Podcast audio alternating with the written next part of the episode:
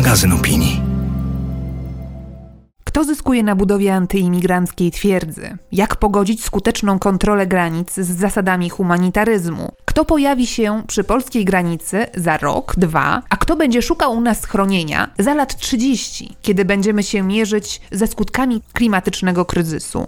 O tym wszystkim porozmawiam w 16 odcinku podcastu Jak naprawić przyszłość?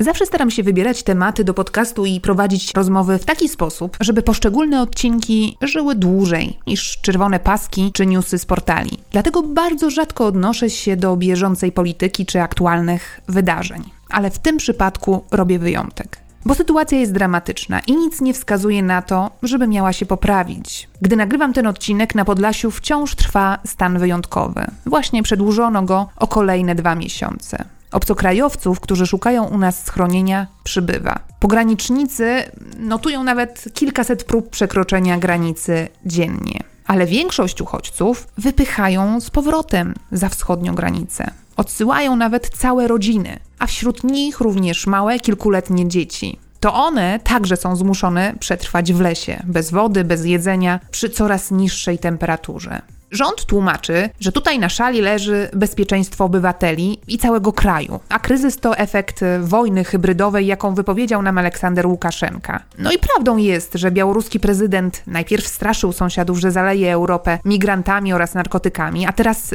instrumentalnie wykorzystuje obcokrajowców do destabilizowania sytuacji na wschodniej granicy Unii Europejskiej. Ale nie jestem pewna, czy pozwalając ludziom umierać w lasach, jakąkolwiek wojnę wygrywamy. Wręcz przeciwnie. W efekcie wprowadzenia stanu wyjątkowego ani organizacje pozarządowe, ani lekarze, którzy zgłosili chęć pomocy, ani my, dziennikarze, nie mamy prawa wjazdu na ten teren. Nie można monitorować sytuacji. Dochodzą do nas jedynie jakieś strzępki informacji, a te są przerażające. W ostatnich dniach z wyziębienia, wycieńczenia albo z powodu choroby zmarło już pięć osób. A o ilu śmierciach nie wiemy? Z jednej strony skutecznie podsycane są antyimigranckie nastroje i to w najbardziej obrzydliwy sposób. Narasta niechęć i strach przed obcym.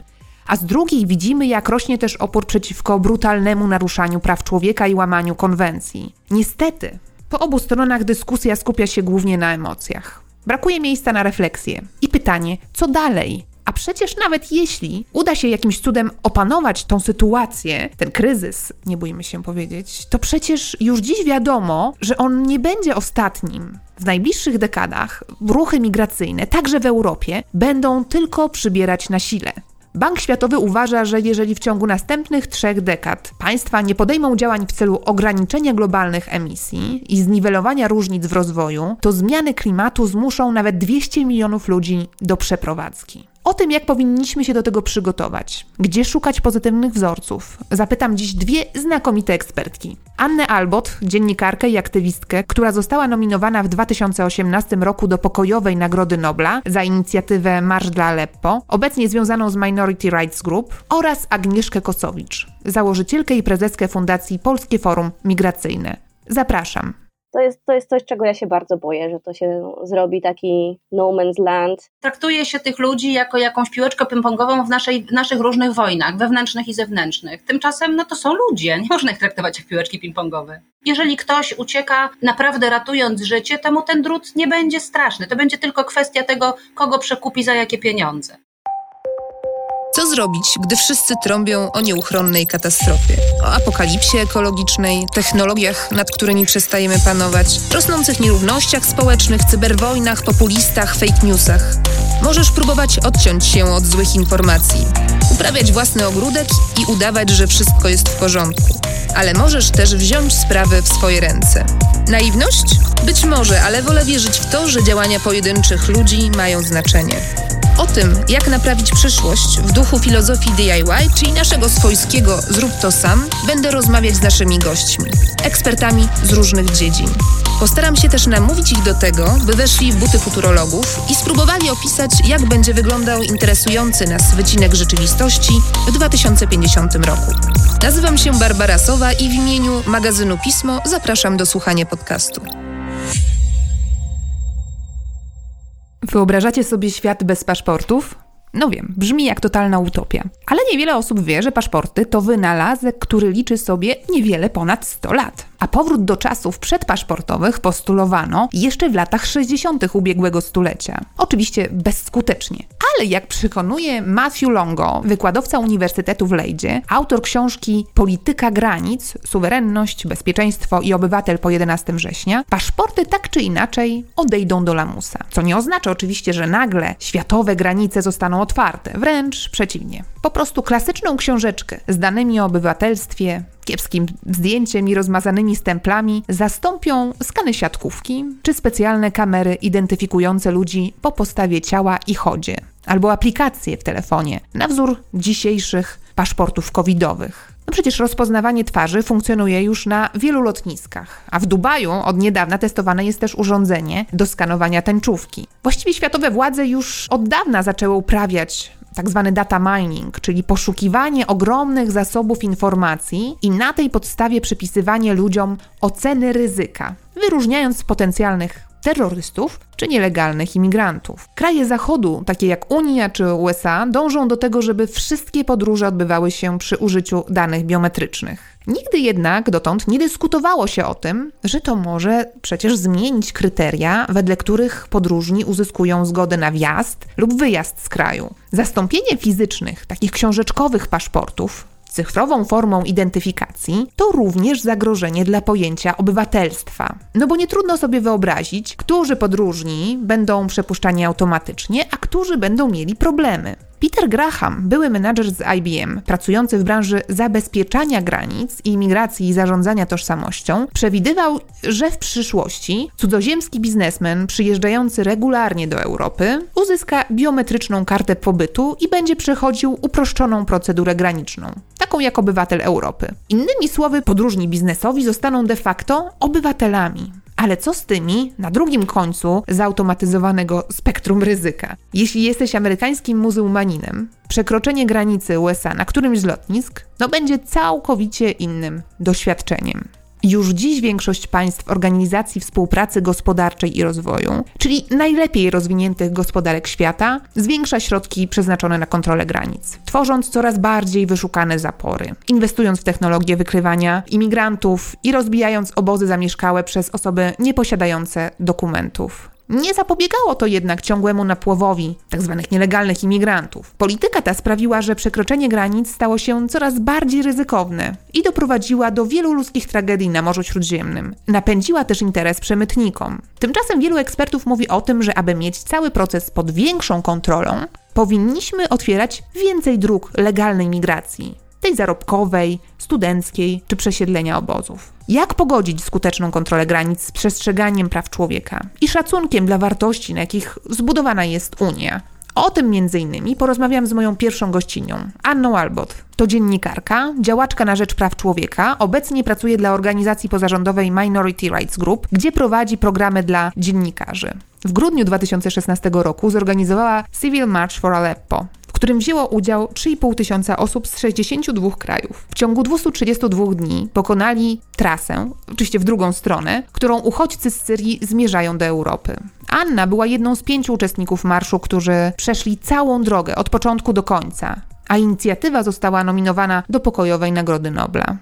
Aniu, w jednej z ostatnich wypowiedzi dla mediów wspomniałaś, że nie wierzysz w to, że rząd pozwoli umierać ludziom na polsko-białoruskiej granicy. To było zanim media obiegły informacje o pierwszych ofiarach śmiertelnych. Pewna granica wraz ze śmiercią tych osób nomen omen została przekroczona. Jak ty myślisz, dokąd nas to wszystko prowadzi?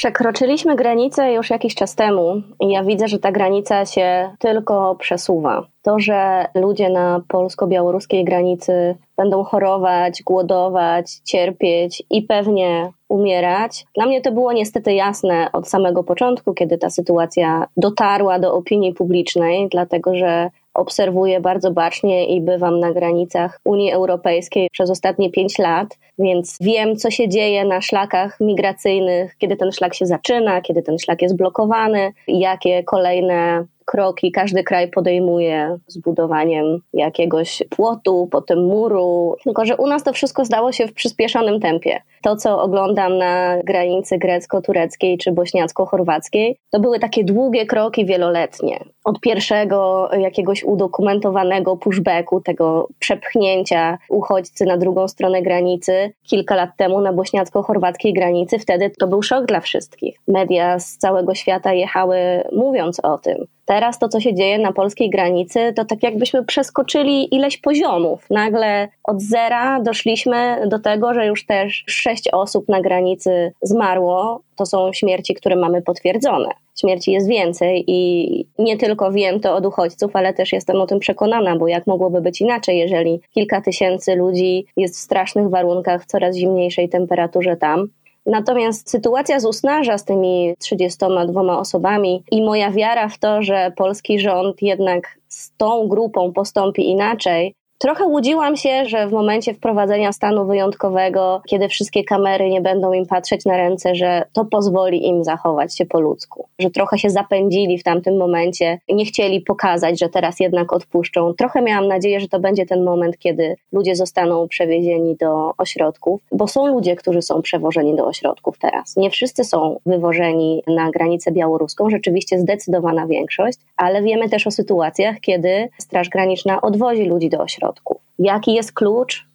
Tego nie wiem. Skoro mówisz o tym, że my realizujemy w przyspieszonym tempie taki scenariusz, który już był grany w innych państwach, to co dalej może się wydarzyć? Jak to oceniasz? Jak się może rozwinąć sytuacja? Kiedy w tak nieumiejętny sposób blokuje się szlak migracyjny, nieumiejętny mam na myśli bez sprawdzania, kto tam jest, bez legalnych procedur, bez prawników, bez tłumaczy, bez sprawdzenia, kim są osoby na granicy, wtedy dochodzi do takiej kumulacji, do tworzenia się takich nie nielegalnych obozów, które potem w którymś momencie stają się zalegalizowane. To jest coś, czego ja się bardzo boję, że to się zrobi taki no man's land. Być może rząd zdecyduje się oddać to pod opiekę czy Czerwonemu Krzyżowi, czy International Organization on Migration. W różnych krajach różnie to bywa. Te organizacje czują, że chcą i muszą ratować życie, czyli wchodzą w układ z rządem, który postępuje niehumanitarnie. Jakieś jedzenie czy podstawowa opieka jest dostarczana, ale to nie rozwiązuje absolutnie żadnego problemu.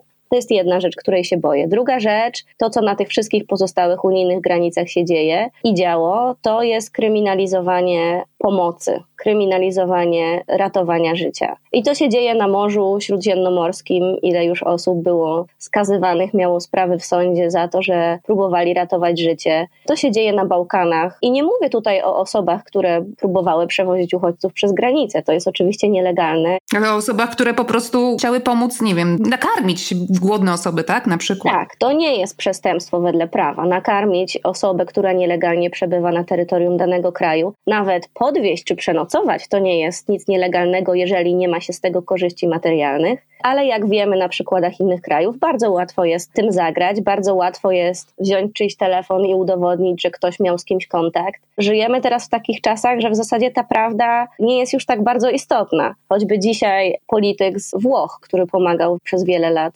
uchodźców, został skazany, już nie pamiętam, na kilkanaście lat więzienia. I jaką to informację niesie społeczeństwu? No taką, lepiej się nie mieszać, lepiej się tematem nie interesować, lepiej tej wody nie podawać na granicy meksykańsko-amerykańskiej, głośne sprawy z ludźmi, którzy zostawiali zgrzewki wody na pustyni, żeby ktoś je być może znalazł, to też było dokładnie ten sam temat. Gdyby oni bezpośrednio dawali butelkę wody komuś z Meksyku, byliby ukarani, jeżeli zostawiają te butelki, może ktoś je znajdzie. I to jest coś, co dzieje się teraz na Podlasiu. Ludzie zostawiają jedzenie w lasach czy na polach, mając nadzieję, że to komuś uratuje życie. To jest przerażające. Ty, Aniu, mieszkasz na co dzień w Berlinie i masz bardzo dobry kontakt z też taką społecznością międzynarodową, która siedzi w tym temacie. Jak w ogóle się komentuje, nie tylko w Niemczech, ale w ogóle tak na, na forum międzynarodowym, to co się dzieje teraz w Polsce i działania polskich władz? No chociażby haniebną konferencję z obrzydliwym oczernianiem i dehumanizowaniem migrantów. Z tą konferencją to dla wszystkich to jest jasne, że to chodziło tylko i wyłącznie o odwrócenie uwagi, bo nagle stał się to taki temat między ludźmi. Ludzie zaczęli wysyłać sobie memy o tym, jakie to było absurdalne, zamiast mówić o tym,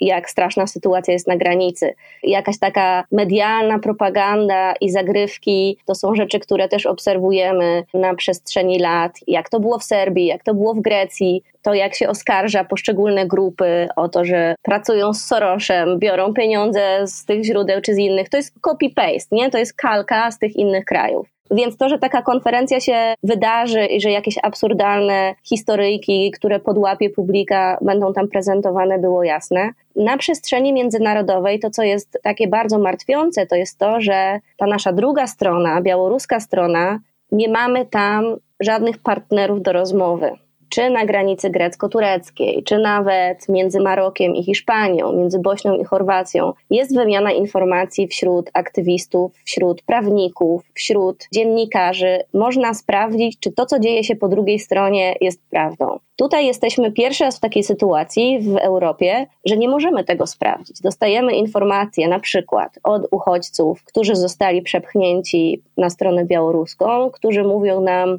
jak tutaj w naszym obozowisku ktoś zemdlał, to strażnicy graniczni zabierali go do Grodna, do szpitala. Co byłoby piękne i ludzkie. Tylko czy to jest prawda? Tego nie wiemy i nie mamy jak tego sprawdzić. To jest bardzo nowa sytuacja i tak jak próbujemy uczyć się na doświadczeniach aktywistów z innych krajów, tak tutaj nie możemy się tego nauczyć, bo sytuacja jest nowa i dużo, dużo trudniejsza niż gdziekolwiek indziej. Ja dlatego pytałam o Niemcy i o społeczność międzynarodową, ponieważ no, w czasie kryzysu 2015 roku i w ogóle od tego czasu, no jednak te oczy zwrócone są na Niemcy, które nadają ton także polityce migracyjnej. W jakim kierunku my będziemy zmierzać? Czy to jest kierunek wytyczony właśnie już kilka lat temu, czyli zamykania granic i, i takiego tworzenia oblężonej twierdzy z Unii Europejskiej? Czy no, czy jest szansa, czy jest jakieś takie światełko w tunelu, że być może ta polityka zmieni swój charakter? Jak ty to widzisz? Mamy w Europie nie tylko dobre przykłady rozwiązań, ale też badania na temat tego, co działa,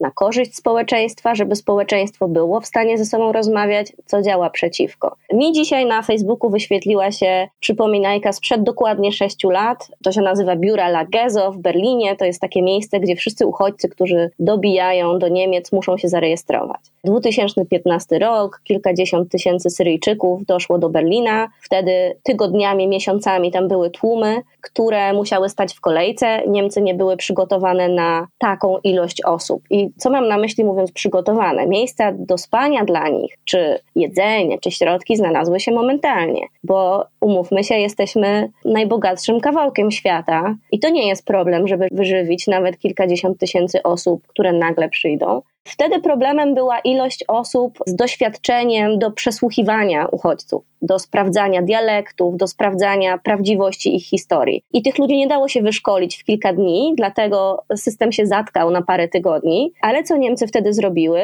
No po prostu zaczęły szkolić więcej osób, żeby być w stanie rozwiązać tą trudną sytuację. Ja patrzyłam na przykład na integrację uchodźczych dzieci w szkołach. Sama mam dwie córki w niemieckiej szkole. Mali Syryjczycy dochodzili do ich klas. Niektóre szkoły próbowały sposobu organizowania najpierw kursów niemieckiego, a dopiero potem włączenia dzieci do szkoły. Inne próbowały włączyć dzieci od razu do wszystkich klas i z biegiem czasu miały się nauczyć języka. I sobie sprawdzali, porównywali, co lepiej działa, żeby nauczyć się tego, co działa lepiej. Więc w Europie nie dość, że są badania na każdy temat z tym związany, na to, czy ma to sens, żeby ośrodki dla uchodźców, czy obozy dla uchodźców były budowane 10 kilometrów od miasta czy od wsi, czy może lepiej, żeby były w środku miasta i ludzie mogli się spotykać. To są takie oczywistości, jeżeli się w tym siedzi, natomiast ciężko zrozumieć, dlaczego inne kraje nie biorą tych lessons learned, nauczonych lekcji pod uwagę bo jest na czym budować, jest z czego brać przykład i można oczywiście wziąć przykład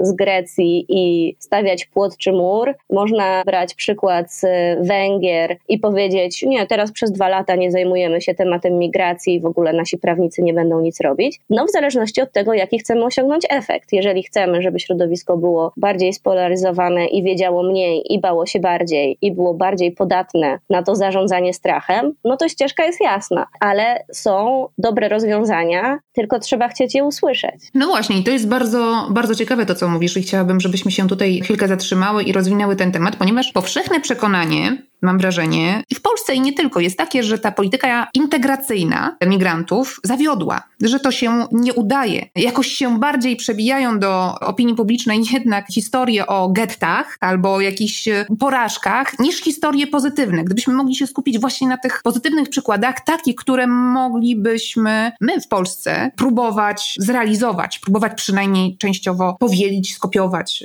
Ludzie lubią negatywne historie, ludzie lubią się trochę bać, przekazywać sobie te negatywne historie. To jest jakieś takie, no nie wiem, bardzo ludzkie. I jeżeli usłyszymy o getcie gdzieś pod Paryżem i o tym, że tam jest niebezpiecznie, to zamiast spojrzeć na to jako na informację, okej, okay, budowanie getta nie jest dobre, to co jest dobre? Może nie budowanie getta jest dobre w takim nurcie dziennikarstwa rozwiązań i sprawdzania tego, co działa i tego, co nie działa, no to może weźmy to pod uwagę.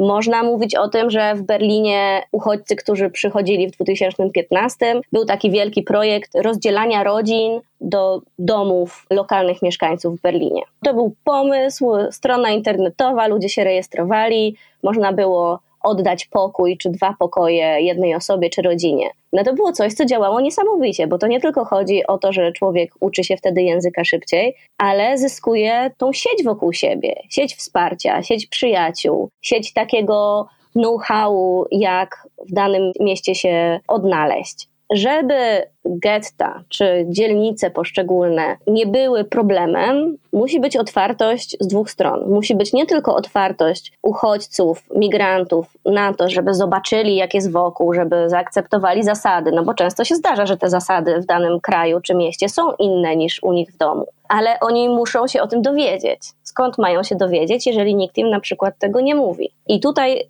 mówię o tej otwartości też z drugiej strony że otwartość mieszkańców tych społeczności, do których uchodźcy dochodzą, musi też się tam znaleźć. No to na przykładzie mogę opowiedzieć. Mhm. Wielu miałam różnych znajomych w Berlinie uchodźców, którzy mieszkając ze mną albo odwiedzając mój dom, czuli się na tyle komfortowo, że mogli zadać mi wprost pytanie o to, czy to jest ok, żeby pójść z koleżanką z kursu niemieckiego na kawę, czy nikt tego nie weźmie za coś nie ok, czy zaprosić kogoś do domu po tygodniu znajomości, to jest ok, czy to nie jest ok.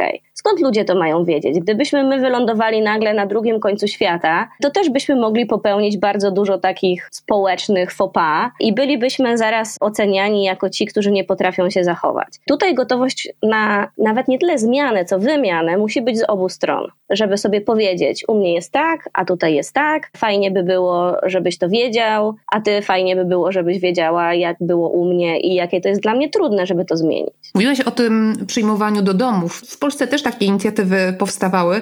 Ja nie wiem, jak dużym zainteresowaniem ze strony Polaków one się cieszą, jak dużo jest chętnych, żeby rzeczywiście przyjąć pod swój dach obcokrajowca. Jakie są jeszcze inne pomysły, jakie są jeszcze inne takie rozwiązania, które moglibyśmy przyjąć? To nie jest proste, ale rzeczywiście są ludzie chętni, żeby zapraszać nowo przybyłych pod swój dach, ale pamiętajmy, że to nie musi być oddawanie pokoju czy mieszkania. To może być zaproszenie pod swój dach na przykład raz w miesiącu na wspólną kolację albo zabranie dzieciaków uchodźczych na sobotni spacer rodzinny. To nie muszą być od razu wielkie rzeczy, co pewnie w naszych głowach jakoś rośnie do wymiarów sponsorowania rodziny przez następne 30 lat. Nikt nie chce być sponsorowany. Oni jak najszybciej chcą być w stanie pracować i być w stanie być przydatnymi w tym kraju. Szczególnie jeśli mówimy o Polsce, gdzie tak wielu mamy na przykład Czeczenów, czy raczej czeczeńskich kobiet niż Czeczenów. To są kobiety, które po prostu bardzo chcą coś robić natychmiast. Co można zrobić? No, ja myślę, że ten nasz jakiś taki strach wynika bardzo często z braku z jednej strony wiedzy, a z drugiej doświadczenia w tym temacie. Wiedzy to znaczy, żeby poznać przyczyny, dla których ludzie zmieniają miejsce zamieszkania, czy to wewnątrz kraju, czy na zewnątrz, czy są to przyczyny konfliktowe, czy to są przyczyny klimatyczne, czy to jest przemoc. Przyczyn jest bardzo dużo, ale nie da się zrozumieć sytuacji danej osoby bez poznania tej historii gdzieś głębiej głębiej. I musimy pamiętać o tym, że w historii świata więcej osób wyjechało z Europy do świata niż przyjechało ze świata do Europy. Teraz wszyscy mówimy, o cały świat chce przyjechać. Nie ma osoby w Afryce, która by nie chciała przyjechać do Europy. A ile my przestrzeni dajemy w szkole, czy podstawowej, czy średniej, na rozmowy o kolonializmie i konsekwencjach tego na świecie? Ilu Polaków czuje się jakkolwiek współodpowiedzialnym za to, co się dzieje na świecie, za inwazje wojskowe, za sprzedaż broni do innych krajów. Nasz sposób życia w Europie to jest konsekwencja tego, jak reszta świata jest traktowana przez Europę. No i oczywiście możemy powiedzieć, to nie ja ani ty traktujemy kogoś w czadzie źle, ale prawda jest taka, że nasze życie dobre życie jest zbudowane na tym, co tam się źle dzieje. I my o tym mało rozmawiamy, mało nasze dzieci o tym rozmawiają. Bez tego nie da się zrozumieć, że mamy odpowiedzialność za tych ludzi, którzy na przykład się pojawiają teraz na naszej granicy, bo mieliśmy w tym swój udział, czy w Afganistanie, czy w Iraku, czy w zachodniej Afryce, gdzie ludzie nie mają jak łowić ryb, bo Unia Europejska im te ryby wyławia. I to jest pierwsza rzecz, a druga rzecz to jest to doświadczenie.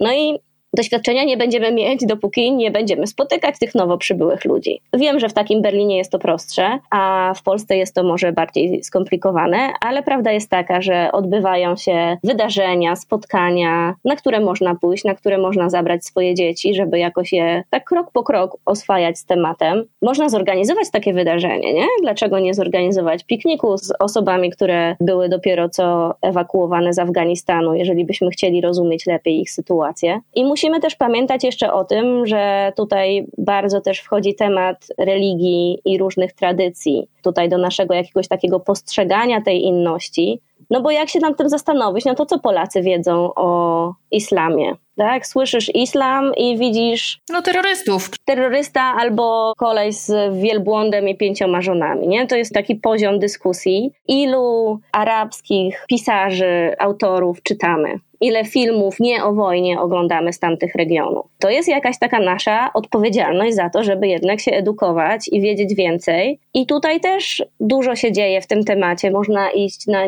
noce religii, to się chyba tak nazywa. Ilu Polaków było w meczecie kiedykolwiek w życiu, nie? To takie straszne miejsce, nie wiadomo co tam się dzieje. No to idź i sprawdź, co tam się dzieje. Jak nie wiesz, to zapytaj. Ale tutaj rozmawiamy o tych wszystkich działaniach, które my jako społeczeństwo, my jako obywatele możemy podjąć. I tutaj jednak jest potrzebna pewna świadomość i chęć, prawda, żeby coś się zadziała. A ja się zastanawiam, co my powinniśmy zrobić jako państwo, bo gdzieś, żeby móc sobie spotkać się z tą rodziną, zaprosić ich na obiad, to gdzieś ta rodzina musi na przykład nauczyć się języka, bo oni przecież nie, niekoniecznie muszą mówić po angielsku, tak? Gdzieś trzeba im dać schronienie, gdzieś trzeba zapewnić im jakieś takie podstawy bytowe. A my tutaj, mam wrażenie, no jednak wciąż nie jesteśmy przygotowani i mamy wiele do zrobienia. To takie skierowanie budżetu na tematy integracji, imigracji w Polsce, to jest jakieś takie resztki spływające, jak już nie ma gdzie indziej zainwestować. Wydaje mi się, że tutaj nie ma jakiegoś takiego ogólnego zrozumienia, że to jest interesie nas wszystkich, żeby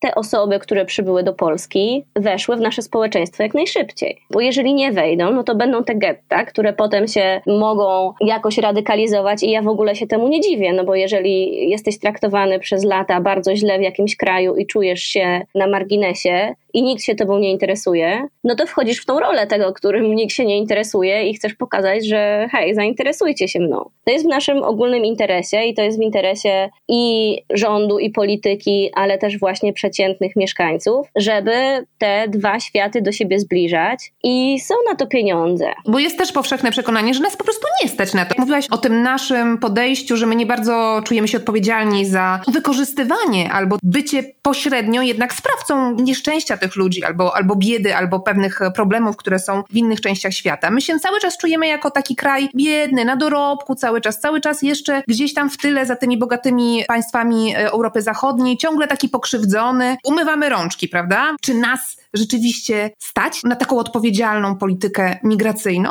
Pewnie, że nas stać. Jeżeli stać kraje takie jak Turcja czy Pakistan, gdzie uchodźców jest tak bardzo wielu, bo musimy pamiętać, że na ten taki argument, czemu oni przychodzą do Europy zamiast iść do krajów sąsiedzkich, Odpowiedź czarna na białym jest bardzo prosta. Ponad 80% ludzi zostaje w tych krajach. Sąsiednich, tak. Sąsiednich. Ci, co dobijają do nas, to są ci, którzy już nie dali rady tam ale próbowali. Ja naprawdę niewiele osób znam takich, które by jechały prosto do Niemiec. To są ludzie, którzy na przykład najpierw zaczynali próbować w Iranie, potem w Turcji, potem w Grecji i dopiero potem kończyli na Niemczech. Każdy z nas, jeżeli miałby wybór, to chciałby być jak najbliżej domu. To jest zupełnie naturalne dla wszystkich. E, więc tak, no stać nas na to, tak jak każdego przeciętnego Polaka też byłoby stać na to, żeby zapłacić za jeden obiad uchodźcy to już naprawdę nie są te czasy, kiedy Polski na takie rzeczy nie stać. Ale nawet jeśli nie byłoby nas stać, no to pytanie jest, co to znaczy? Ja się na przykład zastanawiam, czy są jakieś wyliczenia, ile kosztuje na przykład, nie wiem, czy są jakieś raporty mówiące o tym dobrze przyjęcie i integracja jednej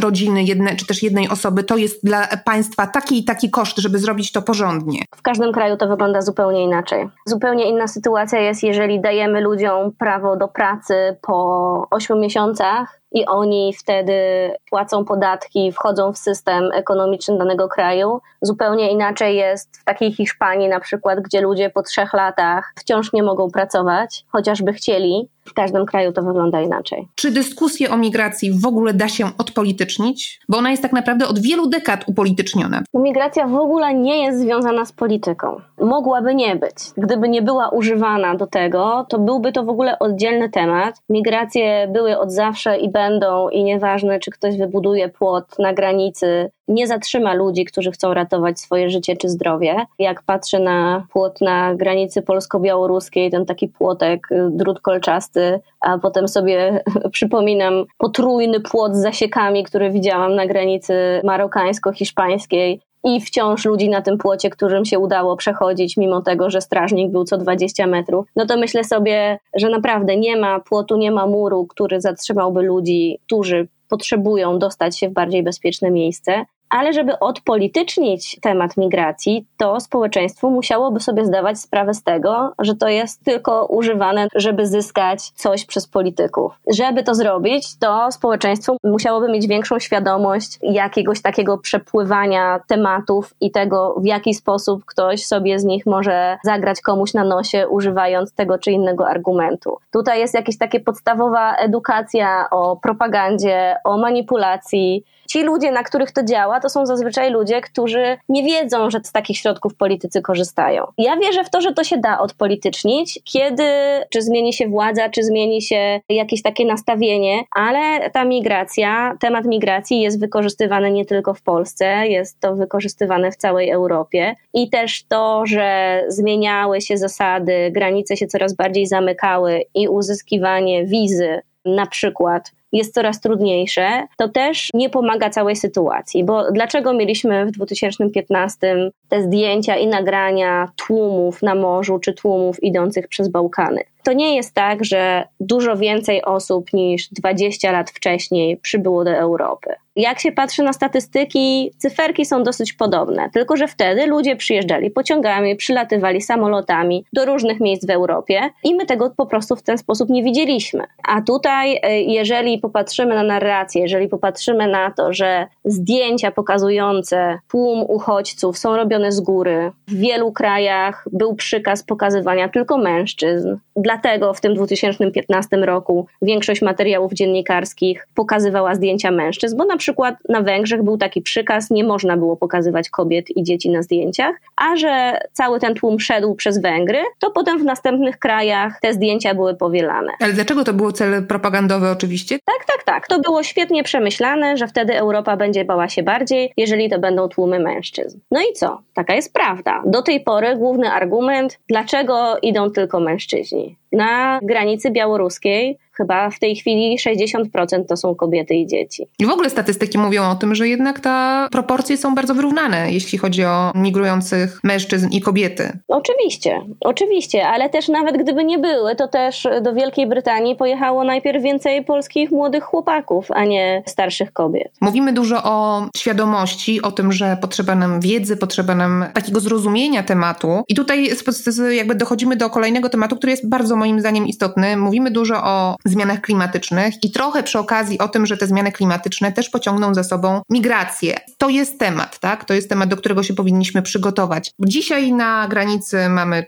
około 30 osób z Afganistanu. Kto za te 10-20 lat może się pojawić przy naszej granicy? No ja myślę, że nie za pięć, tylko za dwa miesiące, bo uchodźcy migracyjni istnieją od lat, tylko nie jest to łatwe rozmawiać o dokładnych przyczynach, konkretnych przyczynach uciekania z danego kraju bo te takie przyczyny klimatyczne łączą się z ekonomicznymi, łączą się z przemocą, łączą się z dyskryminacją. Tutaj potrzeba by się bardziej pochylić nad każdym z przypadków, a jeżeli społeczeństwo i poszczególne rządy nie chcą inwestować nawet w to, żeby się pochylić nad ofiarami wojen, które mają w ręku ewidentne dowody na to, że grozi im śmierć w ich kraju, to co dopiero rozkładać na czynniki, czy na przykład susza w Czadzie spowodowała, że ta osoba nie jest w stanie pracować i utrzymać rodziny i przesuwa się dalej z powodów klimatycznych. Ale to jest temat, o którym naprawdę powinniśmy mówić już teraz bardzo, bardzo głośno, bo jasnym jest to, że za moment uchodźców migracyjnych będzie więcej niż wszystkich innych uchodźców. Już teraz co chyba półtorej sekundy ktoś na świecie jest zmuszony do zmiany miejsca zamieszkania ze względu na klimat. I oczywiście w pierwszej kolejności to jest przesunięcie się do innej wsi czy do większego miasta w ramach danego kraju, ale następny krok, szczególnie dla tych na przykład na wyspach, których po prostu terytorium się zmniejsza z roku na rok, to są już bardzo konkretne tematy i jeżeli byśmy mądrze, my wszyscy jako świat, myśleli o przyszłości i myśleli o tym, żeby być, tak jak powiedziałaś, na to przygotowanym, to powinniśmy tworzyć jakieś struktury myślenia na ten temat. Bo coś takiego, e, mimo tego, że bardzo wiele różnych organizacji podnosi ten temat, się nie dzieje. Nie ma grup, które zaczęłyby na poziomie globalnym rozmawiać o tym, jak takie zasady mogłyby wyglądać. No bo jak przenieść przecież całe państwo? Bo czasem dotyczy to przecież tych wyspiarskich całych państwek albo małych społeczności, które no być może w całości trzeba będzie relokować. I pytanie jest, czy takich na przykład mieszkańców Vanuatu na Pacyfiku, czy ich powinno się w którymś momencie przenieść nie wiem, do Nowej Zelandii czy do Australii, czy może lepiej e, na Słowację, gdzie na przykład patrząc na światowe trendy, zmiany klimatyczne dotrą, nie wiem, najpóźniej. Które kraje powinny być za które odpowiedzialne, które społeczności, na przykład mniejszościowe, religijne, etniczne powinny zajmować się którymi, tak? Bo to też jest taki argument, że dlaczego uchodźców z krajów muzułmańskich nie wezmą inne kraje muzułmańskie? Będzie im łatwiej się integrować. No to można myśleć w tych samych kategoriach, nie? Że może migracyjni chrześcijanie powinni trafić do krajów mm, głównie chrześcijańskich to jest coś, czym powinien świat się zajmować, bo lada moment będzie za późno i, i znowu zima zaskoczy kierowców. Myślisz, że w ogóle jest szansa na to, żebyśmy otworzyli taką poważną dyskusję globalną? Czy raczej cały czas jest to tylko dyskusja, którą toczą właśnie osoby, które się bardzo mocno zajmują tym tematem i to nie wychodzi poza NGOsy? W ogóle temat migracyjny to jest takie gaszenie pożarów. Nikt nie robi kroku naprzód, żeby pomyśleć, przecież było jasne, co się wydarzy z Afganistanem pół roku temu, tak? Nikt się nad tym nie zastanawiał, kto, który kraj ile osób powinien przyjąć. My po prostu zupełnie to ignorujemy.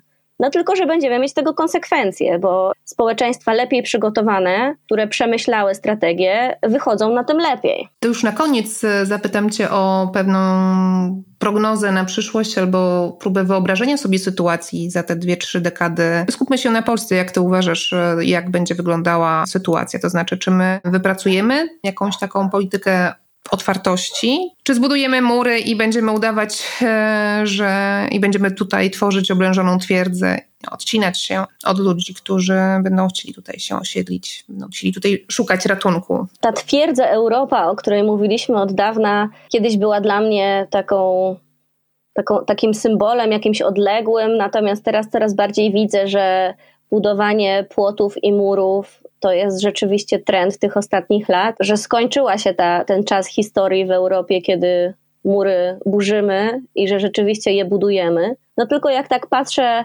na kolejne kroki, wybudujemy już wokół całej Europy będzie mur i będą siedzieć strażnicy z karabinami, tak, i strzelać do tych, którzy będą chcieli przybywać. Nie wierzę, że to jest możliwe. Nie wierzę, że y, Europa, która jednak była budowana na wartościach pięknych, może w teorii, ale mimo wszystko wiele, wiele, wiele jest w nas takiej potrzeby i solidarności, i bycia razem, i wymieniania się doświadczeniami. Przecież te ostatnie 20 lat Polacy jeżdżą za granicę, korzystają z stypendiów, z wymiany pracy, są w stanie pracować na międzynarodowym poziomie. Nie wierzę w to, że o tym wszystkim kompletnie zapomnimy i, i zamkniemy oczy. To znaczy, pewnie część tak, bo tak jest prościej i idąc tą narracją populistyczną, e, że Europejczykowi należy się więcej i łatwiej będzie dehumanizować innych i tym strażnikom ich wypychać e, przez granicę czy do nich strzelać, ale ja nie wierzę w to, żeby się całe społeczeństwo na to zgodziło.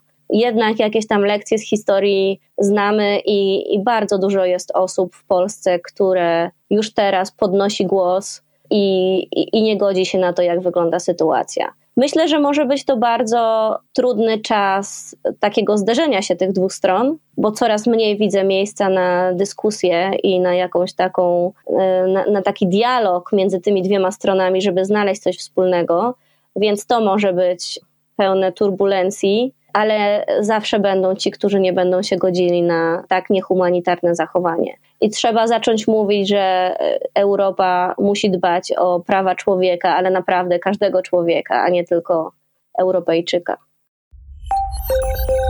Jak naprawić przyszłość? Z Anią Albot rozmawiałyśmy w piątek rano. Wieczorem miała jechać na Podlasie, aby w ramach nieformalnej grupy Granica wraz z innymi aktywistami oraz organizacjami pomagać migrantom. W weekend napisała na Facebooku, że znalazła siedmioosobową grupę leżącą w lesie na mokrej ziemi. Trzy Syryjki, z którymi rozmawiała, rozpłakały się, gdy usłyszały, że trafiły na Polaków. Bo do tej pory Polacy to ci, którzy dzwonili na policję i ci, którzy brutalnie wywozili je na Białoruś. Nie mają już nic, napisała Ania. Przerażone oczy wygłodzonych ludzi w lesie, w którym w przyszłym tygodniu temperatura spadnie poniżej zera. Tak, to jest ten moment, żeby zapobiec zbiorowej mogile na Podlasiu. Tylko teraz, apelowała Ania. Między innymi o tym, jak można samemu zaangażować się w pomoc migrantom, porozmawiam z Agnieszką Kosowicz, która prowadzi Fundację Polskie Forum Migracyjne i ma na koncie wiele fantastycznych projektów dotyczących integracji cudzoziemców i dialogu międzykulturowego. Jednym z nich jest choćby Migroteka, czyli inicjatywa, która wyposaża sieć polskich bibliotek w literaturę dotyczącą migracji i uchodźstwa oraz międzykulturowości. Jak naprawić przyszłość? Czy mogliśmy i czy wciąż możemy ten kryzys rozwiązać w sposób e, humanitarny, no, nie dając jednocześnie sygnału reżimowi Łukaszenki Łukaszence, że jego wojna hybrydowa przynosi efekty? Moim zdaniem to nie jest kryzys przede wszystkim. Więc um, oczywiście to wszystko zależy od perspektywy, ale akurat w ubiegłym tygodniu odwiedziłam Samos, wyspę Samos grecką, blisko tureckiej granicy, e, na której rok temu było 6 tysięcy ludzi, migrantów, e, uchodźców, którzy przyjechali na wyspę, na której mieszka 6 tysięcy mieszkańców. I moim zdaniem to jest kryzys. Jeżeli mówimy o sytuacji, w której jest tyle samo migrantów, co mieszkańców, do tego dochodzi COVID, do tego dochodzi trzęsienie ziemi 7 y, stopni w skali Richtera. To jest kryzys. Wtedy, kiedy mieszkańcy mieszkają w kontenerach, a obok w kontenerach mieszkają migranci. To znaczy, oczywiście to wszystko zależy od perspektywy, ale y, i na pewno jest to kryzys dla tych ludzi, którzy zginęli i ich rodzin. Więc to ja też y, nie bagatelizuję takiej perspektywy, ale wydaje mi się, że to, z czym my mamy do czynienia, jakby dramat tej, czy, czy tragiczny, tragi, tra, tragizm tej sytuacji polega na tym, że to nie jest sytuacja, którą się nie da inaczej zarządzić. To nie jest sytuacja kryzysowa. My mówimy o, y, o tym, y, że nie wiem, przekracza rocz, dziennie granicę, nie wiem, 100 osób, prawda, czy 200 osób. To naprawdę nie przekracza y, możliwości naszych służb, żeby przyjąć tych ludzi, Y, rozeznać się, czy oni potrzebują ochrony, czy nie, przyjąć wnioski od tych, którzy potrzebują, y, w stosunku do reszty rozpocząć procedury deportacyjne i nawet je przeprowadzić. To nie jest rzecz niemożliwa. Jakby sposób odpowiedzi naszego państwa na tę sytuację jest y, moim zdaniem po prostu nieadekwatny. Rozumiem oczywiście cały kontekst polityczny, może nie cały, no ale o ile jestem, po prostu wiem, ten kontekst białoruski i cały, całe, całe nie wiem, manipulacje białoruskie europejską granicą i nie wiem, generowanie tego, czy mówimy, że to jest wojna hybrydowa, czy tam, nie wiem, demograficzna. Ale nikt nie powiedział, że my mamy grać w taką grę. I jakby szybkość, z jaką weszliśmy w narrację, którą Białoruś tam zaproponowała na tej granicy, no dla mnie to jest powalające. I dyskusje o tym, czy to białoruscy strażnicy przepychają, czy to polscy przepychają, kto kogo bardziej kopie i czy było ciało przewlekane przez granicę, no to przecież jest jakiś absurd. I y, prowokowanie sytuacji, w której się odcina cały ten pas graniczny i w gruncie rzeczy nikt nie wie o, to, y, o co tam chodzi. Nikt nie wie, czy w Usnarzu ludzie byli na polskiej stronie, czy na białoruskiej stronie. Nie wiadomo, czy ciało kobiety, która zmarła, ona zmarła w Polsce czy na Białorusi, ale też czy to jest naprawdę zasadnicze? Prawnicy mówią, y, że tak, zasadnicze, bo jak w Polsce to to, a jak na Białorusi to to. Ale to jest jednak, no nie wiem, jakiś. Yy, moim zdaniem, ja się czuję jako Polka odpowiedzialna za to, co się dzieje, nawet jak to jest metr od tej mojej granicy. I nie chcę, żeby tam ludzie umierali. I, jest możliwe, żeby stworzyć system ośrodków. No, akurat wiem, jak wyglądało przystępowanie na przykład Polski do konwencji genewskiej w 1991 roku, kiedy się rozpadał Związek Radziecki i Polska przygotowała, Polska w 1991 roku, kiedy jeszcze był, nie wiem, czy pani pamięta, ale to był czas, kiedy były jeszcze octy na półkach, mięso sprzedawane na stolikach gdzieś tam, czy łóżkach polowych. Jakby my byliśmy krajem w ogóle w jakimś totalnym procesie zmiany, a byliśmy w stanie stworzyć e, plan przyjęcia dwóch milionów ludzi ze Związku Radzieckiego, bo wtedy się spodziewaliśmy, że taka fala do nas przyjedzie. I to było możliwe. Ja tego nie pamiętam, ale pamiętam doskonale sytuację, gdzie to składano 150 tysięcy wniosków o, o, udzielenie azylu rocznie. To głównie były wnioski składane przez Czeczeńców i, i, i, nikt wtedy nie straszył uchodźcami. Jakby odpowiedź naszego państwa na całą tą sytuację ma charakter polityczny, e, propagandowy. I nie wiem, traktuje się tych ludzi jako jakąś piłeczkę ping-pongową w, naszej, w naszych różnych wojnach, wewnętrznych i zewnętrznych. Tymczasem no to są ludzie, nie można ich traktować jak piłeczki ping-pongowe. Mam wrażenie trochę, że wręcz e, Łukaszenka tą wojnę wygrywa. Mówi pani o tym, że to nie jest kryzys, a jednak w powszechnym odczuciu, takim, takim masowym, to wszyscy żyjemy od kilku tygodni wydarzeniami z Podlasia. To pokazuje po prostu, jak bardzo jesteśmy nieporadni i jak ta nasza odpowiedź jest nieadekwatna. Bo naprawdę, jak y, pomyśleć o tym w sposób taki logistyczno-organizacyjny, to to nie są sprawy nie do załatwienia. Jest możliwe, żeby ludzi, którzy są chorzy, zawieźć do szpitala i żeby tam leżeli. Po prostu. Nie trzeba ich odsyłać na granicę z powrotem, żeby umarli z zimna. To nie jest coś, do czego my nie jesteśmy zdolni. I y, wydaje mi się, że naprawdę trzeba y, odejść od takiej narracji kryzysu, a zacząć rozwiązywać problemy. I takie wykorzystywanie różnych okazji, tak jak u nas cała, cała nagonka w 2015 roku na migrantów odbywała się bez migrantów. To w tej chwili, nie wiem, też mamy narrację kryzysu bez kryzysu. I czemu to służy? Jakby na, na ile to poprawia nasz byt? Ja jestem wielką fanką y, państwa Bhutan, które nie przyjmuje żadnego przepisu i żadnej ustawy, o ile nie podnosi szczęścia obywateli. Czy ktoś u nas w ogóle tak myśli, przyjmując ustawy w nocy? No jakby y, wydaje mi się, że, że zadaniem władz państwa jest po prostu sprawiać, że życie w tym kraju będzie dobre, że ludzie będą mieli poczucie bezpieczeństwa, że sprawy będą załatwiane, że instytucje będą działały.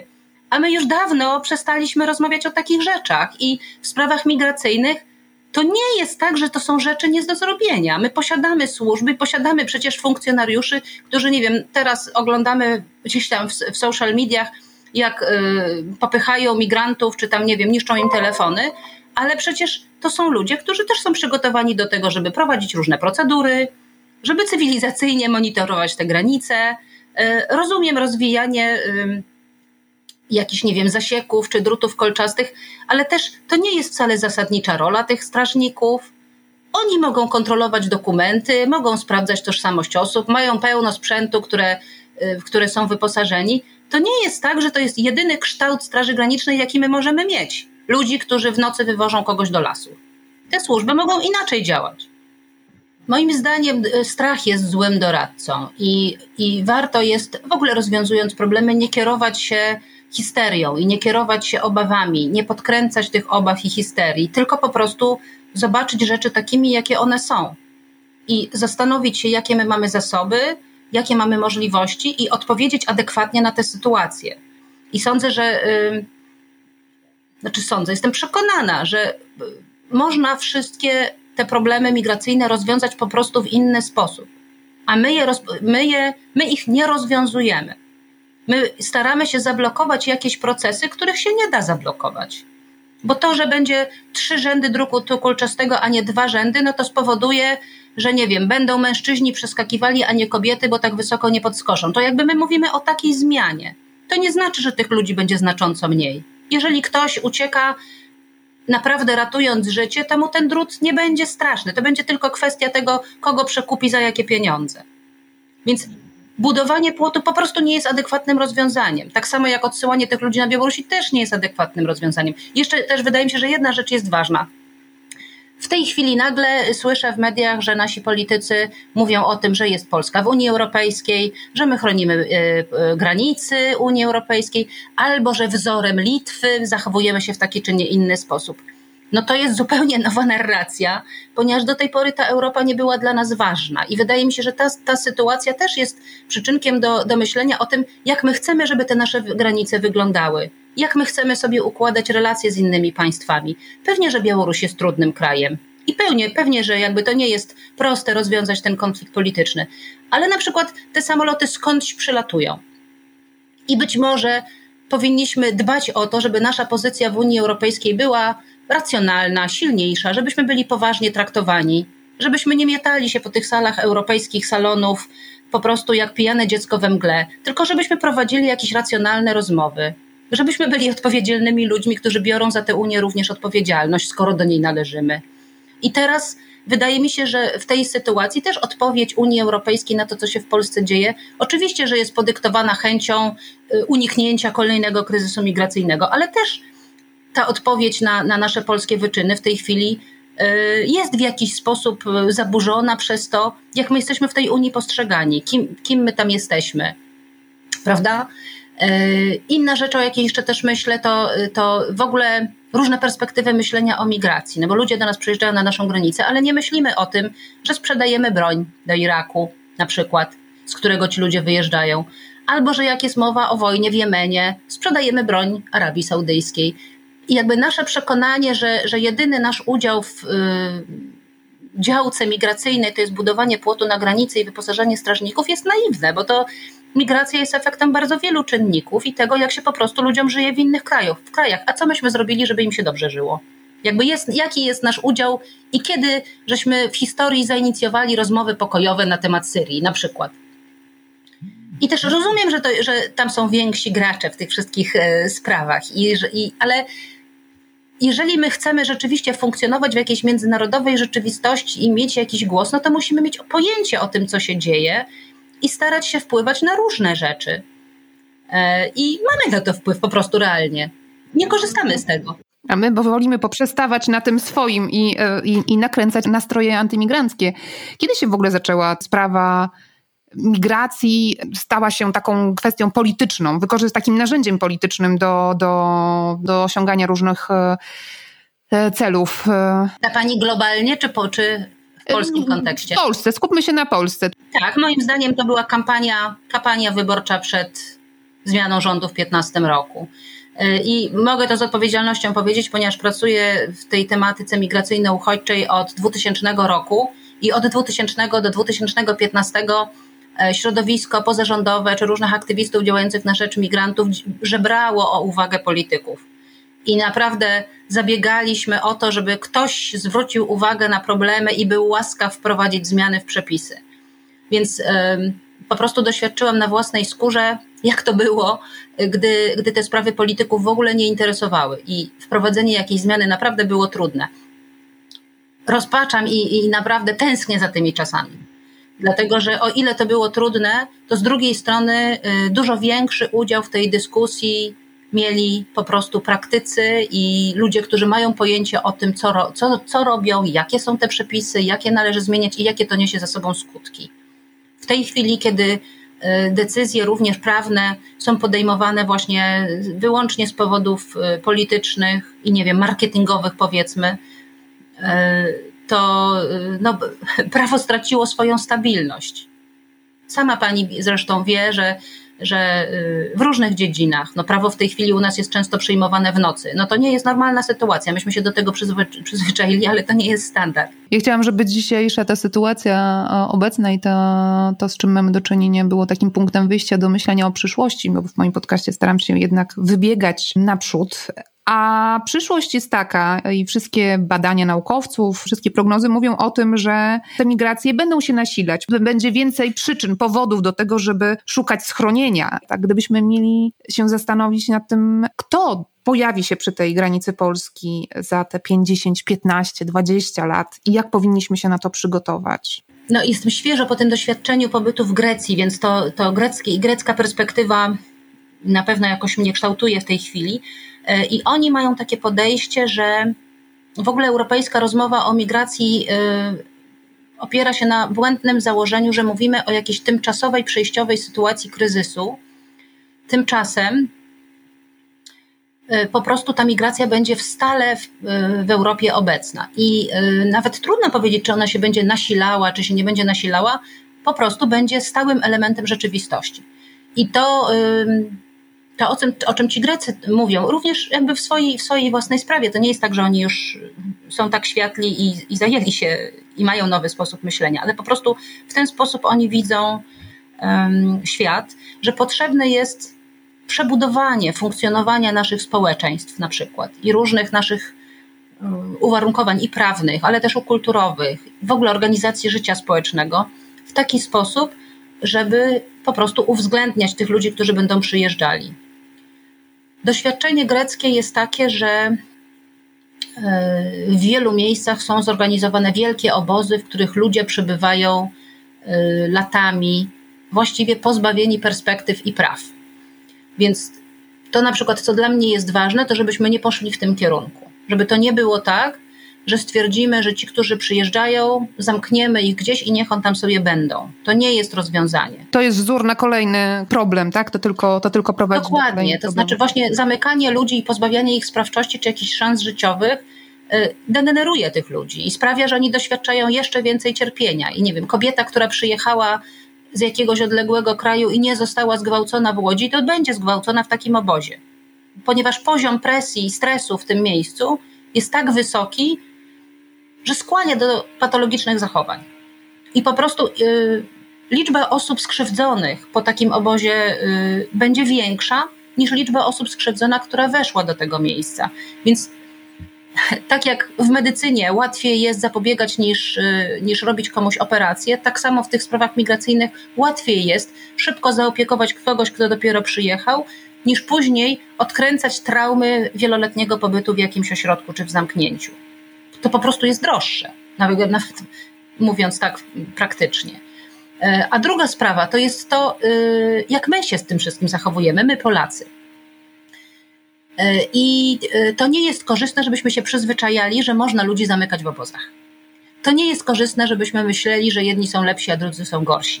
Dlatego, że za chwilę ten sposób myślenia przelewa się na inne sfery naszego życia i wydaje nam się, że leworęczni są gorsi, i należy ich izolować. Albo wydaje nam się, że osoby z niepełnosprawnością są gorsze i należy ich e, izolować, albo nie wiem, niebieskoocy czy jacyś inni. I takie, taka, takie w ogóle budowanie myślenia o świecie, że ludzie są lepsi i gorsi, że są ważni i nieważni, sprawia, że sami na tym cierpimy. No bo nam się urodzi niepełnosprawne dziecko albo leworęczne, prawda? Czy z jak, z jak, w jakiś inny sposób nietypowe. Yy, i, czy LGBT, czy wszystko jedno. E, I, I, wydaje mi się, że to, to, do czego my e, powinniśmy zmierzać, myśląc o przyszłości, to jest naprawdę takie myślenie równościowe o nas samych. Że, my, że to jest ważne, żeby wszyscy się w kraju dobrze czuli. To jest ważne, że wszyscy mają równe prawa i obowiązki. To jest ważne, że różne, różne przywileje, nie wiem, dostęp do edukacji są tak samo istotne w każdym przypadku. I w tej chwili Oczywiście to jest wyzwaniem wprowadzenie afgańskich dzieci do szkół, ale to jest fundamentalnie istotne. Dlatego, że nie mamy w tej chwili afgańskich nauczycieli i nie mamy doświadczenia, i to jest trudne, żeby te dzieci przyjąć do szkoły yy, i zacząć ich uczyć, nie wiem, Mickiewicza. Ale trzeba to zrobić, dlatego że w przeciwnym razie powstaną enklawy, getta ludzi, którzy nie będą mieli ze sobą nic, nic wspólnego. I kiedy mówimy o przyszłości, to po prostu tych osobnych, odrębnych grup będzie więcej, bo będzie wie, rzeczywiście ludzie będą systematycznie przyjeżdżali. Będzie, będziemy bardziej zróżnicowanym światem. A czy my mamy struktury w ogóle? Czy my jesteśmy przygotowani na przyjęcie tych ludzi? Jak duża mogłaby być to grupa? Taka, jaką życie przyniesie, bo nie jesteśmy w stanie z tego przewidzieć. I co, jeżeli przyjedzie dziesięciu za dużo, to co z nimi zrobimy? I po prostu trzeba się będzie uporać z rzeczywistością, która nastąpi, a ona z całą pewnością będzie oznaczała migrację. I teraz, czy my jesteśmy przygotowani? Y, na to odpowiedź myślę, że y, w zależności od tego, kim się jest i jak się patrzy, można powiedzieć tak albo nie. Ponieważ z jednej strony, y, jakby nie dajmy się zwariować. My przyjmujemy migrantów od lat 80. I są ludzie, którzy potrafią uczyć języka polskiego jako drugiego. Są metodycy, są pracownicy socjalni, którzy to potrafią. Są prawnicy, którzy się znają na prawie migracyjnym, są psychologowie. Tylko, że tych ludzi jest za mało. Potrzebne jest kształcenie tego rodzaju umiejętności, e, bo po prostu te potrzeby będą rosły. Z drugiej strony potrzebne jest wykorzystywanie tych zasobów. I tak jak na przykład w tej chwili mamy jakąś, nie wiem, rządowo-pozarządową wojnę i postrzeganie siebie wzajemnie w e, kategoriach największego wroga, ono jest absurdalne i szkodliwe dla Polski. Dlatego, że często jest tak, że e, pewnie zawsze, że pozarządowa i rządowa strona mają inne po prostu zasoby. W tej chwili my potrzebujemy zwyczajnie wykorzystać wszystkie karty, jakie mamy i wszystkie zasoby, jakie mamy i specjalistów, jakich mamy. I taka wojenna narracja, w której my żyjemy ostatnio, temu nie sprzyja i postrzeganie organizacji pozarządowych jako tych lewackich, e, jakichś wrogich e, organów, które tutaj chcą zaszkodzić Rzeczpospolitej, jest absurdalne, ponieważ to te właśnie organizacje od lat się tymi migrantami zajmują. I wydaje mi się, że te kompetencje nie są wykorzystywane w, jakby w obecnej sytuacji jakie osoby, skąd te osoby mogą do nas przyjechać, bo, bo my pewne rzeczy możemy już dzisiaj przewidzieć, zaprojektować w jakiś sposób, przygotować się na to. Tym kolejnym problemem, któremu musimy stawić czoło, któremu już dzisiaj stawiamy czoła, to jest kryzys klimatyczny, czyli będą do nas przyjeżdżać ludzie nie tylko z terenów objętych konfliktami, tylko ludzie, którzy będą poszukiwali lepszego życia, pracy i tak dalej, ale też ludzie, którzy będą uciekać przed suszą chociażby, tak? Czy w poszukiwaniu wody. Tak, jak najbardziej. Moja koleżanka z fundacji e, czyta ostatnio książkę o, o właśnie taki, taką science fiction futurystyczną o zmianach klimatycznych i opowiada ona o tym, że migrantami stają się Włosi, Hiszpanie, Turcy, ponieważ ich regiony stają się niezdatne do życia. E, to, jak świat będzie wyglądał, od nas zależy trochę. I z całą pewnością zmiany klimatyczne już następują i będą następowały, ale też mamy wpływ na to, w jakim tempie, i co z tym zrobimy i czy zareagujemy na to, jaki mamy wpływ na te zmiany klimatyczne. Póki co nie ma takiej woli, a na, wydaje mi się, że nie w Polsce. E, natomiast e, kto do nas przyjedzie, są takie regiony, z których e, możemy oczekiwać migracji jakby w perspektywie takiej przewidywalnej, bo po prostu te kraje są niestabilne i na pewno do nich należy Bliski Środkowy Wschód. A poza tym trudno powiedzieć. Wiele jest takich regionów, które, które mogą właśnie zacząć generować migrację, tak jak pani powiedziała, wiele krajów afrykańskich, który, w których klimat się zmieni e, i będą musiał. Bangladesz, który jest zalewany, tak, tak, i regularnie, no nie wiem, jedna trzecia kraju jest pod wodą i po prostu nie da się tam mieszkać na, w dłuższej perspektywie czasu, też ludzie będą wyjeżdżali. Natomiast bardzo dużo zależy po prostu też od, róż, od rozwoju sytuacji politycznej. I nie umiemy przewidzieć, co się wydarzy w Rosji, nie umiemy przyda, przy, przewidzieć, co się wydarzy we wschodniej Ukrainie, jak się potoczy ta wojna, która tam w tej chwili przecież cały czas trwa. Nie wiemy, jakie będą losy Białorusi. Więc, więc wiele jest też takich sytuacji, które są w tej chwili nie wiadomo. Nie wiadomo, jak będzie wyglądała Turcja. Turcja w tej chwili ma 5 milionów migrantów i oczywiście dyskusja o tym, jak wygląda sytuacja, czy jakieś, nie wiem, konszachty y, unijno-tureckie, to też jest osobna dyskusja. Niemniej to jest kraj, który gości 5 milionów cudzoziemców i przyjmuje cały czas kolejnych. I jest to wyzwanie dla tego kraju. I też no, sytuacja tam polityczna jest skomplikowana. Zwłaszcza, że chyba my jako Unia Europejska, teraz mówię, tak jakoś niekoniecznie jesteśmy fair w stosunku do Turcji, jeśli chodzi o te obietnice i ich dotrzymywanie, jeśli chodzi o pomoc. To znaczy my po prostu byśmy chcieli płacić Turcji, żeby ona załatwiała problemy, których nie chcemy u siebie mieć. No tak samo traktujemy Libię albo Maroko, więc to jest, można powiedzieć, już europejska specjalność, ale ona też ma krótkie po prostu nogi. No, ogromne populacje migrantów mają przecież, nie wiem, i Indie, i e, Irak, In, Iran, Pakistan. Więc to są kraje, w których, w których jest, są miliony ludzi. I my, my po prostu o tym nie, nie rozmawiamy. Te kraje, które są z reguły, znakomita większość uchodźców, to również jest fenomen po, po, podobny w, w Afryce. Przekracza tylko jedną granicę i właśnie jedzie do sąsiedniego kraju, ale czasami ten sąsiedni kraj nie zapewnia po prostu bezpieczeństwa. Y, muszę przyznać, że, że tak y, zachwyciłam się, zachwyciłam. No, zrobiło na mnie wrażenie postępowanie Pakistanu, który w, w sytuacji tego afgańskiego konfliktu, na przykład rząd zarządził, że wszystkie miejsca hotelowe w Islamabadzie mają być zwolnione i udostępnione rządowi na użytek uchodźców z Afganistanu.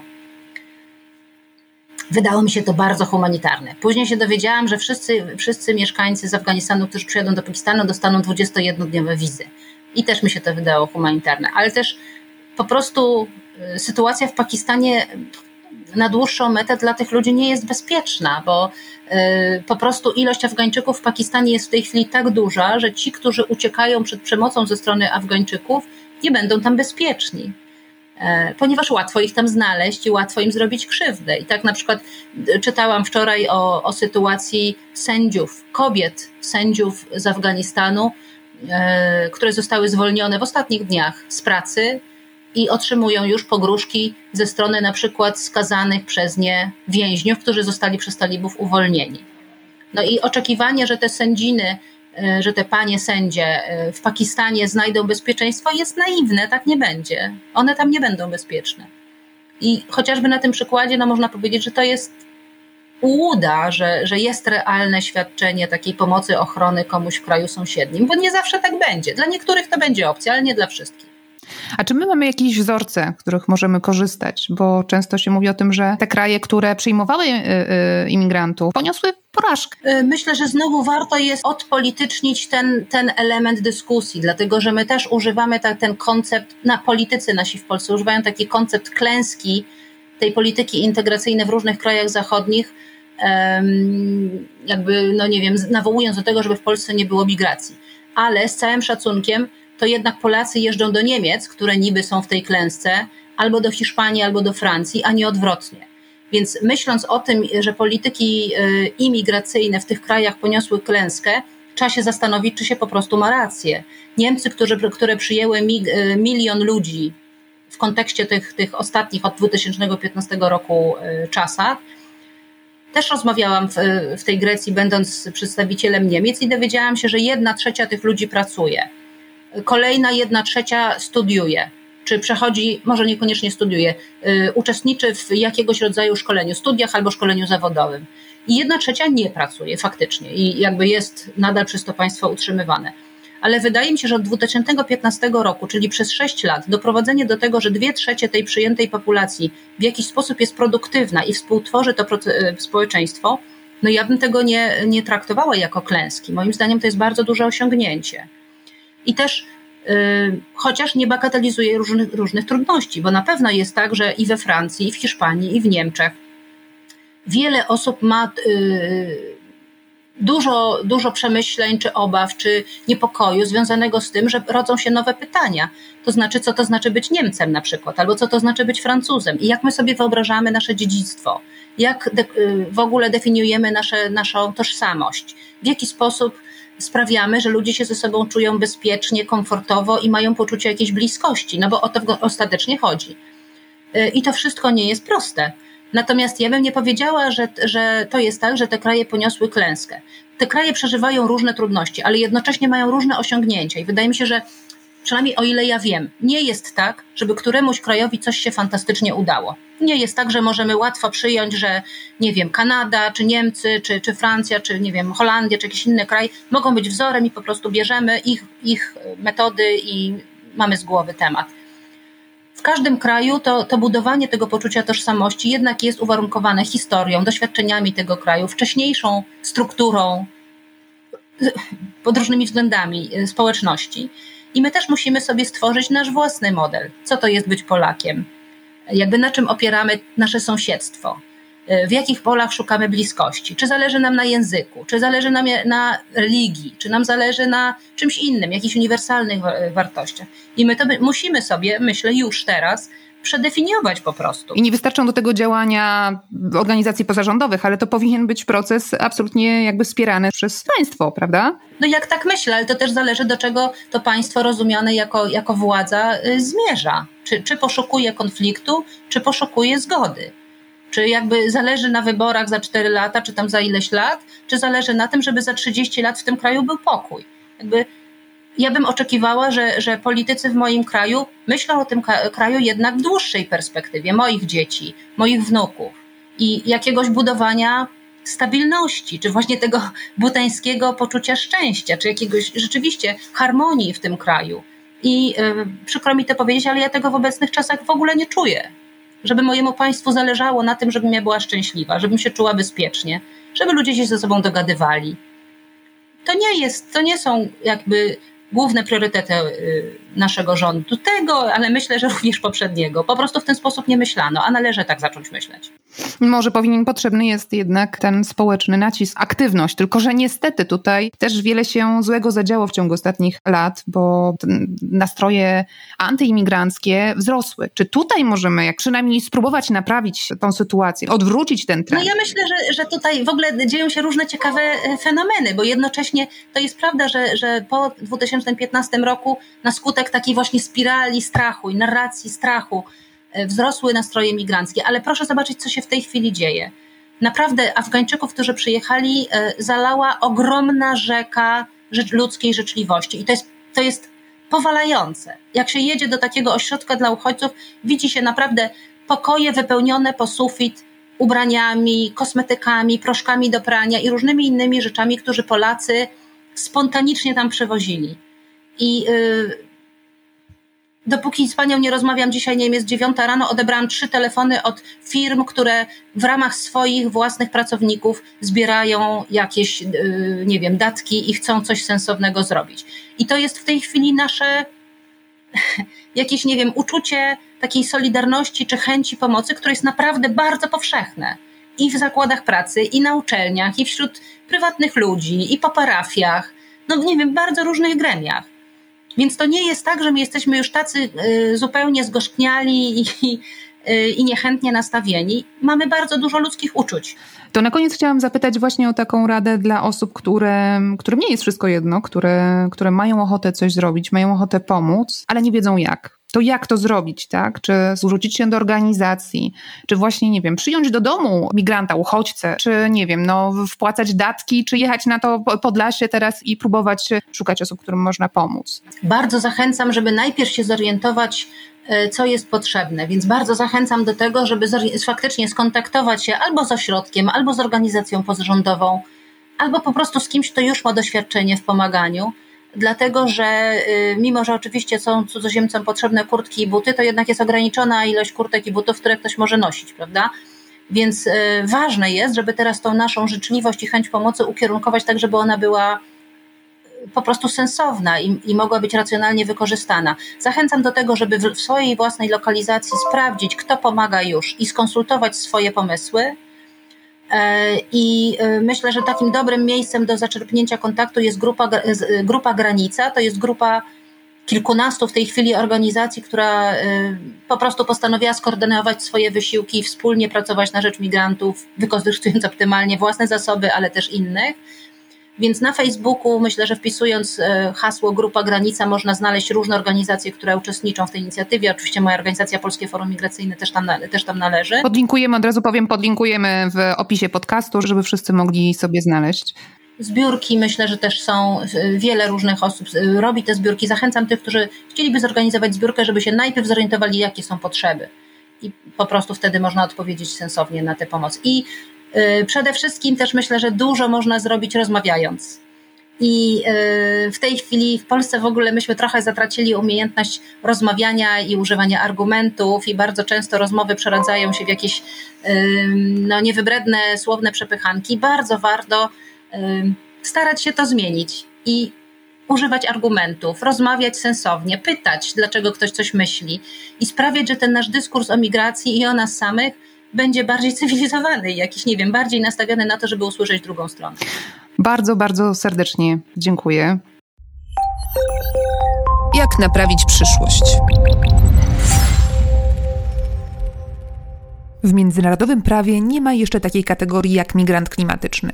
Były za to przypadki ubiegania się o azyl z powodu skutków ocieplenia klimatu. Jedna z głośniejszych spraw to sprawa obywatela Kiribati, które może stać się pierwszym zatopionym przez wodę państwem w związku z podnoszącym się poziomem mórz i oceanów. Werdykt Komitetu Praw Człowieka w tej sprawie może być przełomowy. Jak szacuje ONZ, w rezultacie kryzysu klimatycznego pomocy humanitarnej już teraz potrzebuje 108 milionów osób rocznie a liczba ta wzrośnie o połowę do roku 2030. W Afryce subsaharyjskiej susze już dziś zaburzają podział na porę deszczową i suchą. Pustynnienie, wzrost poziomu mórz, wzrost zakwaszenia mórz i utrata bioróżnorodności to problemy, które będą narastać. IPCC przewiduje, że do połowy wieku w wyniku wzrostu poziomu morza jedynie w Bangladeszu dach nad głową straci około 20 milionów ludzi. Co więcej, w znacznej części Azji Południowo-Wschodniej, w tym w Indonezji, Malezji, Birmie, Tajlandii i Wietnamie, do 2050 roku powodzie dotknąć mogą ponad 79 milionów ludzi. Część z nich zmuszona będzie do zmiany miejsca zamieszkania. Dodatkowo negatywne skutki klimatu nierzadko nakładają się na inne kryzysy, jak konflikty zbrojne czy terroryzm. Aż 67% wszystkich katastrof naturalnych ma miejsce w krajach globalnego południa. Koszty dostarczania pomocy humanitarnej ponoszą i będą ponosić kraje globalnej północy. Ale dokonując bilansu i oceniając te wszystkie statystyki, musimy pamiętać przede wszystkim o tym, że tylko 20 krajów, w tym Polska, odpowiada za 80% globalnych emisji gazów cieplarnianych, które stale podnoszą temperaturę Ziemi. No dla przykładu przeciętny Polak emituje tyle dwutlenku węgla w ciągu jednego tygodnia, co Etiopczyk w ciągu całego roku. Takie porównania dają do myślenia na temat e, solidarności i odpowiedzialności w tym temacie. W opisie podcastu znajdziecie link do grupy Granica i organizacji moich rozmówczyń.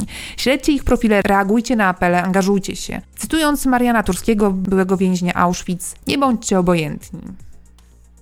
To był szesnasty odcinek podcastu Jak naprawić przyszłość. Znajdziecie go na wszystkich popularnych platformach podcastowych i w serwisie magazynpismo.pl. Jeżeli macie do mnie jakieś pytania, piszcie śmiało na adres barbarasowa.małpamagazynpismo.pl i do usłyszenia za miesiąc. Trzymajcie się.